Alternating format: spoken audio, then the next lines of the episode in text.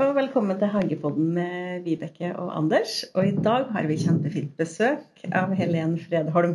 Hei! Hallo. Koselig å få komme. Og veldig artig at du ville være med her. da. Du har en helt spesiell hagestil, har ikke du? Jo, han er nok kanskje ikke så vanlig i Norge. Jeg skal ikke masse bare påstå at jeg funnet opp noe nytt. Men uh, han er kanskje ikke så, så veldig vanlig i Norge ennå. Hva slags hagestil er det? Han kan vel beskrive det som cottage garden. Mm. Og det har jo dessverre ikke noe helt godt norsk navn. For det blir feil å si at det er en hyttehage. Det er Ja. liksom ikke en hage ved sjøen eller en hage på fjellet. Så det stammer jo Det er jo en gammel britisk arbeiderklassehagestil. Ja. Det har blitt noen innarbeida begrep egentlig hagelæren, for dem som er interessert i hager. Cottagehage, det kjenner jo flestene egentlig kanskje etter hvert. Kanskje med litt hjelp av deg. Jo takk, jeg håper kanskje det. eh, Men eh, det kan nok være de som har drevet og brukt prinsippene litt uten at de har satt noe navn på det. Men eh, han begynner nok å kanskje falle litt i hopet med dette som eh, grønnsaksdyrkere kaller digg som også har begynt å bli litt inn. da, ikke sant? Så vi har en fe litt fellesnavner der. Ja. Men kan du fortelle hva en cottage garden hva, hvordan den er? Essensen Ja, essensen. Um, nei, stort, frodig, fargerikt, intimt og dustende og helt på lag med naturen. Ja. Og helt gratis. Og helt gratis. Ja. Vi, vi har nettopp, eh, vi er, jeg og Vibeke er med i Trondheim Hagelag, og da har jo nettopp holdt et foredrag for oss, og derfor at vi har lurt dem til å bli med på podkasten. Så veldig artig. Så vi sitter i menighetshuset der vi har hatt foredraget nå. Så det er litt sånn bråk inni her, men det er fordi at de er på å rydde. Men, det, men du kan jo egentlig Vi glemte nå egentlig å si litt hva, hva du holder på med, for det er litt artig å, å vite det. Du holder jo foredrag for hagelag og sånn, men, du- men du har jo mye andre ting. Jeg er jo opprinnelig ingeniør, ja. eh, Og har jo jobbet som ingeniør parallelt med hage. Jeg fikk et stipend fra Innovasjon Norge i 2011 til å begynne med besøkshaga. Eh, Men så hadde jeg da ingeniørjobb parallelt helt for var det seks år siden. Og da har jeg satset 100 på Så jeg har en besøkshaga på Toten, ja. Så der er bare å komme for alle, eller må du melde deg på? Nei da, eller? det er åpningstider, og stort sett fredag, lørdag og søndag fra juni til august. Ja. Det høres veldig artig ut. det da. Så da går inn på nettsida mi, så ser de åpningstider og slikt. da. Men det da er bare å komme over uanmeldt. Så bra. Men denne cottage garden, da, hvor har du funnet inspirasjon til å ta den til Norge? Hvordan jeg fant inspirasjon? Ja. Nei, det var jo noen hagevenner i Eidsvoll hagelag som fikk være med en tur til England. Og det er jo veldig flott for hageinteresserte å komme til England. Så, Mhm. eh, men det var jo der jeg bodde, da, i en cottage garden. Bed and breakfast for garden lovers. Eh, og generelt på de turene så syns jeg det er mest inspirasjon å hente i private hager. Ja. Det er klart at det er opplevelser å komme i disse kjente, store hagene òg, men det er noe som å komme i prat med eiere og, og bo privat har vært veldig inspirerende, og da bodde jeg i Cottage Gardens. ja. Men nå skal det jo også sies at det veldig ta, mange, mange av de store, kjente hagene har jo masse om anerkjent Cottage Garden-stilen. Så nå har de minst én avdeling i de, de store hagene som er inspirert av Cottage Garden. ja. Men det er en gammel hagestil. Ja, som er jo flere hundre år gammel og oppsto der arbeidere på store gods fikk lov å bo i noen hus som godseieren eide, mot at Mhm. de jobber på godset. Så det var jo lite plass og lite penger. Og det er det som, men stor kreativitet, da. Så det er veldig billig. Vi hørte på foredraget til deg i dag, og det var veldig fint. Og masse fine bilder med sammenplantninger og hvordan du gjorde det. Mange som fikk en sånn oppvåkning, tror jeg, at du hadde veldig sånn naturlig tilnærming på hvordan du jobber. Ja, jeg har jo Jeg bruker å si at jeg er, har en veldig lat hage, så jeg bruker ikke tid på det som andre bruker tid på i hagen, for jeg lar naturen gjøre 80% og så gjør jeg 20 ja, Hvis du godtar det, så blir det jo veldig lite jobb og frodig og enkelt. Ja, så det er Du liksom planter tett, sånn at du slipper å luke. er liksom det som er eh, Ja, eh, så jeg pleier å si at slik hagen min er til enhver tid, så har jeg planta og plassert ca. halvparten. Og andre halvparten, halvparten er det naturen som ordner opp og plasserer. Og det er lett igjen å få noe til. Ja. Så det gjelder litt her å eh, ikke være så streng. La naturen komme med forslag, og som regel blir det ganske bra hvis du ikke er for streng. Det var veldig fine bilder. For naturen har jo så mange fine sammenplantninger som kanskje ikke vi tenker over sjøl. Det ser jeg sjøl òg. På de der flyktige støvene som Mm. sprer seg sånn. Mm. Så naturen er ganske flink. Den er flink, for når vi har laga en podkast om sånn vårorden, så har vi, vi snakka om rydding av bed. Men Ja. der skjønte jeg jo at du har en litt annen tilnærming enn det vi har. Ja. kan ikke si noe om det. Eh, nei, så jeg lar jo naturen gjøre mye, så jeg fjerner jo ingenting fra mosebedene mine. Nei, Men klipper ikke du ned stedene dine heller? Veldig lite. Ja. Så det ser jo ganske tragisk ut, ja. I Mm. september og mars og april. Ja.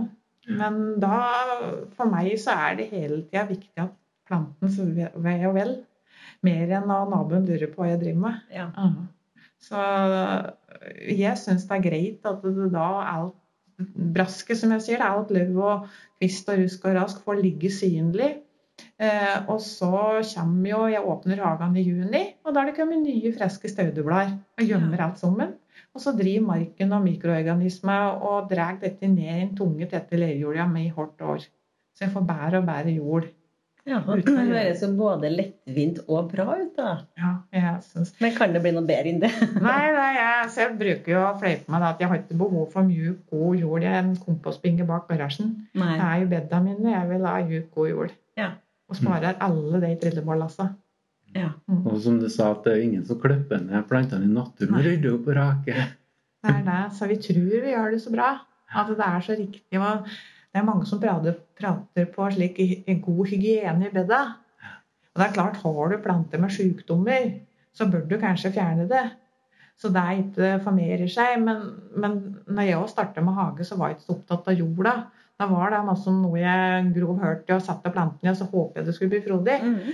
Men nå har jeg erfart at når jeg gjør det på denne måten, så blir jo planten mye frodigere, og det blir mye mindre sykdommer og skadedyr. For det, du spiller på lag med naturen. Men har du lært det sjøl, eller har du lest det noe sted?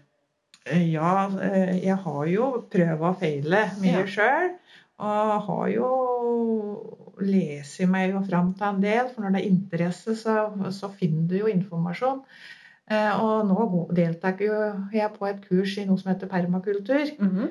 Eh, og syns det er veldig spennende å lære mer om det da. For det, det går jo Det er jo en connection mellom cottage garden og, og permakultur. Så ja, hva det er det vans vanskelige ord. Ja. Eh, nei, perma Da trodde jeg hadde noe med permafrost, ikke sant? Det, men perma betyr jo flerårig. Ja. Så um, det går jo på å dyrke flerårige vekster og, og spille på lag med naturen, kan du si. da. Det er Mhm. sunn fornuft eh, i praksis, egentlig. Ja. Mm.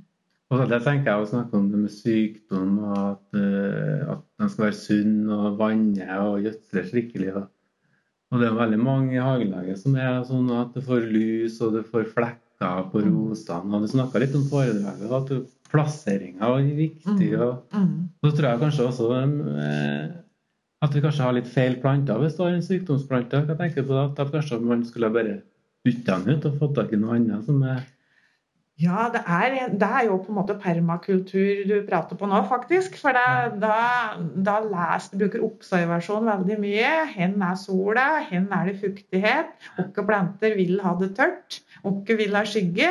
Så det er, eh, hvis du planter ei plante som trives i skygge og fuktig område, hvis du setter den i sørveggen, da har du fryktelig mye jobb, og vatner og vatner og vatner, så blir det aldri fin. Mm. I stedet for at du hadde satt deg på et riktig plass, og da hadde naturen ordnet det sjøl. Så det er nok nesten mye til essensen i permakultur òg, at du skal lage et godt design. Slik at eh, planlegge godt og, og tenke alle disse naturlige Og så kan du analysere, slik som jeg går i hagen min nå på høsten.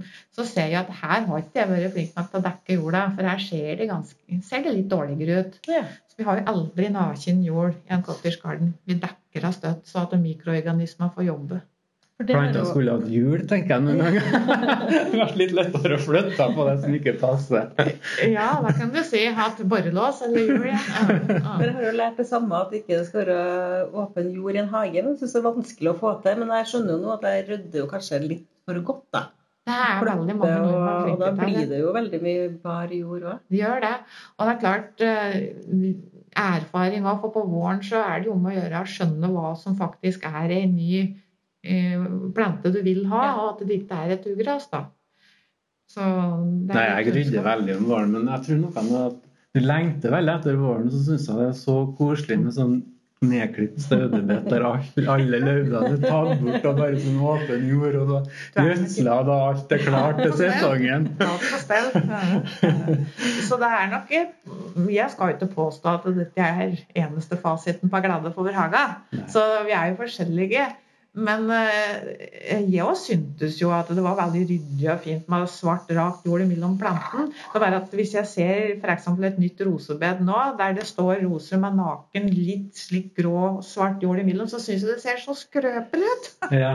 Jeg syns det er mye bedre med at det er grønt og frodig. og Da Mm. vet jeg liksom at jorda har det mye bedre. Og det er så artig at folk er så forskjellige. Og. Ja, folk er så forskjellige, og de har det mangfoldet i alle Ja, forskjellige hager. Selvfølgelig. Og det, Men det du snakka om at du besøker de pri, private hagene i England, og det samme her i Norge, å besøke andre folk sine hager, det er jo kjempe Inspirerende. Ja. Mm, det er det jo. Folk er, har så forskjellige hager, for alle er så forskjellige. Og, Ikke sant. Men jeg tror kanskje at mange mener at det er riktig òg, da. At det er viktigst for planten med hagehygiene der alt fjernes. Eh, Men der, der kan vi jo ta en diskusjon om ja. hva som er det riktigste for frodighet, da. Men jeg har i hvert fall lært noe nytt i dag, og tenker at kanskje jeg skal være litt kulere neste vår, da. Enn Ja, å være veldig Ja, ja. ryddig. Ja, det er eh, Jeg bruker å være sesongen å komme i gang, da, sånn i juni når bladverket kommer i gang. Da er jeg mer rotete av meg, for da kan jeg liksom eh, gjemme unna. Da gjemmer unna ting som løv og eh, Ja, ja. ting som er luke og gressklipp. Da kan jeg hive det under plantene, for det vises ikke. Mm. Da er Da er du godt i gang. Men på våren så vises det for mye til meg, så jeg blir liksom sånn eh, Det ser jo uh, skrøpelig ut, ja. Man blir avslappa, Anders. Ja, man blir bli avslappa, men jeg har også funnet ut et tips som jeg har gjort. Hvis jeg har litt kompost da, som er kompostert sånn halvveis, så kan jeg legge det oppå. Gjemme, ja, dekke det over, ja. Dekke over bladverket, for Ja. da vises ikke. Ja da, så det er kamuflasje. Men de skal være med senke skuldrene litt, tror jeg. Det er litt sånn Ja, jeg har det er lært det på som foredraget. er det er, jeg synes er et viktig budskap. da, at Nordmenn har blitt så perfekte, vet du. Så derfor så syns jeg er litt modig som åpner en hage der jeg viser fram dette at det ikke er helt på stell. Men det er, ja, det er viktig å kose seg og ikke legge lista for høyt og ha det så strigle, da. Ja, for det er jo liksom, det er jo for oss sjøl, vi har det og for, ja, for naturen òg, men det er jo for at vi skal kose oss og slappe av og Mm. ha den fantastiske hobbyen som hage. Ja. Kan bare gå rett utafor døra og sysle med noe, og så kan du bare gå inn, og så kan du Mm. Altså, det er jo hadde- mye forskning som viser hvor bra det er for menneskets Mm. syke og helse å ha en hage. Absolutt. Så dette som jeg pleier å si, da, at eh, det er en grei egenskap å klare å se at ting kan bli vakkert om det ikke blir perfekt. Da er det mye enklere å ha en hage. Det høres jo veldig bra ut. Ja, Hvis noen har lyst på en sånn cottage garden, hva finnes det noen regler for den? Altså noe man bør tenke på? Eh, ja eh, vi prøver å unngå strenge 90-graders hjørner. Mhm. Så vi har ikke firkanter. Vi har ikke firkanta blomsterbed og ikke firkanta sitteplasser, for det er veldig strengt og hardt. Så her har vi buer og ovaler og sirkler.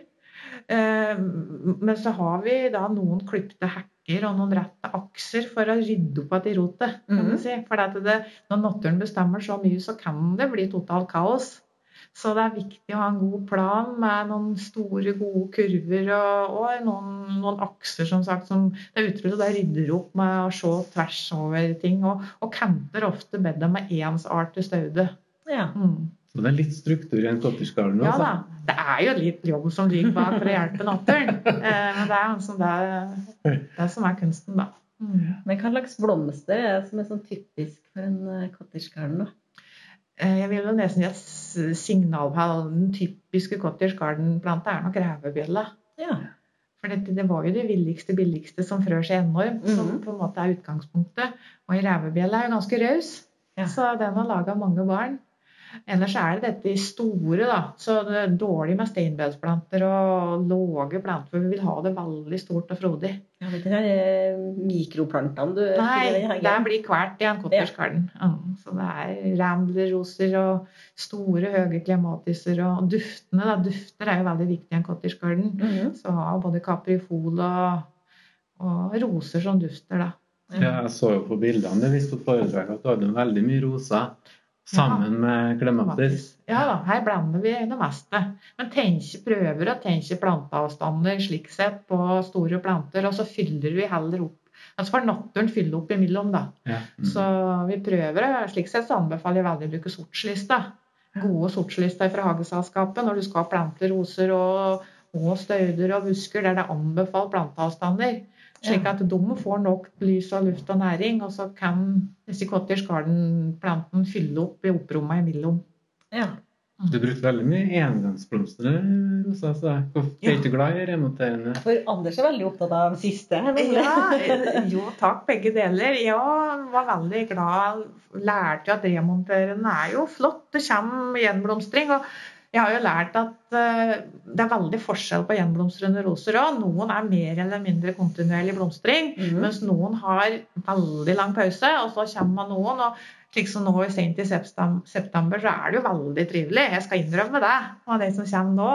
Men jeg syns det er veldig trivelig med disse kjempevillige engangsblomstrene, som da ofte ramblere er, da. Som har ganske lang blomstringstid og enormt med blomsterglede en periode. Ja. Og Det så- har en sånn større show på den, den Ja. perioden den blomstrer da, Ja. i forhold til de Absolutt. remonterende. Fordi Ja. de har mye mer blomster Ja. når de blomstrer. Ja. Mm. For disse ramblerrosene de har jo en enorm veksevilje og utrolig kraft og utrolig mange blomster over en relativt lang periode. Eh, Så eh, ramblere har helt, andre gener kan du si, enn en klatreros òg. For den, eh, det er jo forskjellige slekter der òg, kan du si. Så de har andre Du har jo både albaroser og du har centifoliaroser og slik som har forskjellige egenskaper. Og da er jo ramblere veldig veksevillige. Ja. Og kombinerer dem da veldig ofte med clematis viticella i samme plantehøle. For da gleder jeg meg med rosa i juni og juli. Så klatrer klematisen ganske grønn og beskjeden oppover rosa. Og så tar den over når rosa er ferdig. Det er jo òg hyggelig om det blir litt overlapp. Mm. Mm. Absolutt. Mm. Men eh, de her eh, bedene som er litt sånn De har gode linjer, er de små, eller er de store, eller Så store som mulig. så store som mulig? Ja. Du har ikke sånne små eh, bed med husveggen din? Nei, så langt ifra huset som mulig, ja, for å få bedre forhold både luftmessig, mer eh, sirkulasjon på lufta for å unngå soppsjukdommer. Også dette med Som regel så har det drenering inntil huset, slik at det er vanskeligere å tilføre fuktighet og næring. Eh, Så jeg har store bed, for da er det òg lettere å få et frodig uttrykk. For da kan du ha forskjellige høgder og, og mye enklere å holde det ved like, vil jeg påstå. For det er jo ofte campa det er jobb med. Så jeg tror... jeg du hadde ikke kantklipper? Nei, Nei. vi bruker ikke den cottage Nei.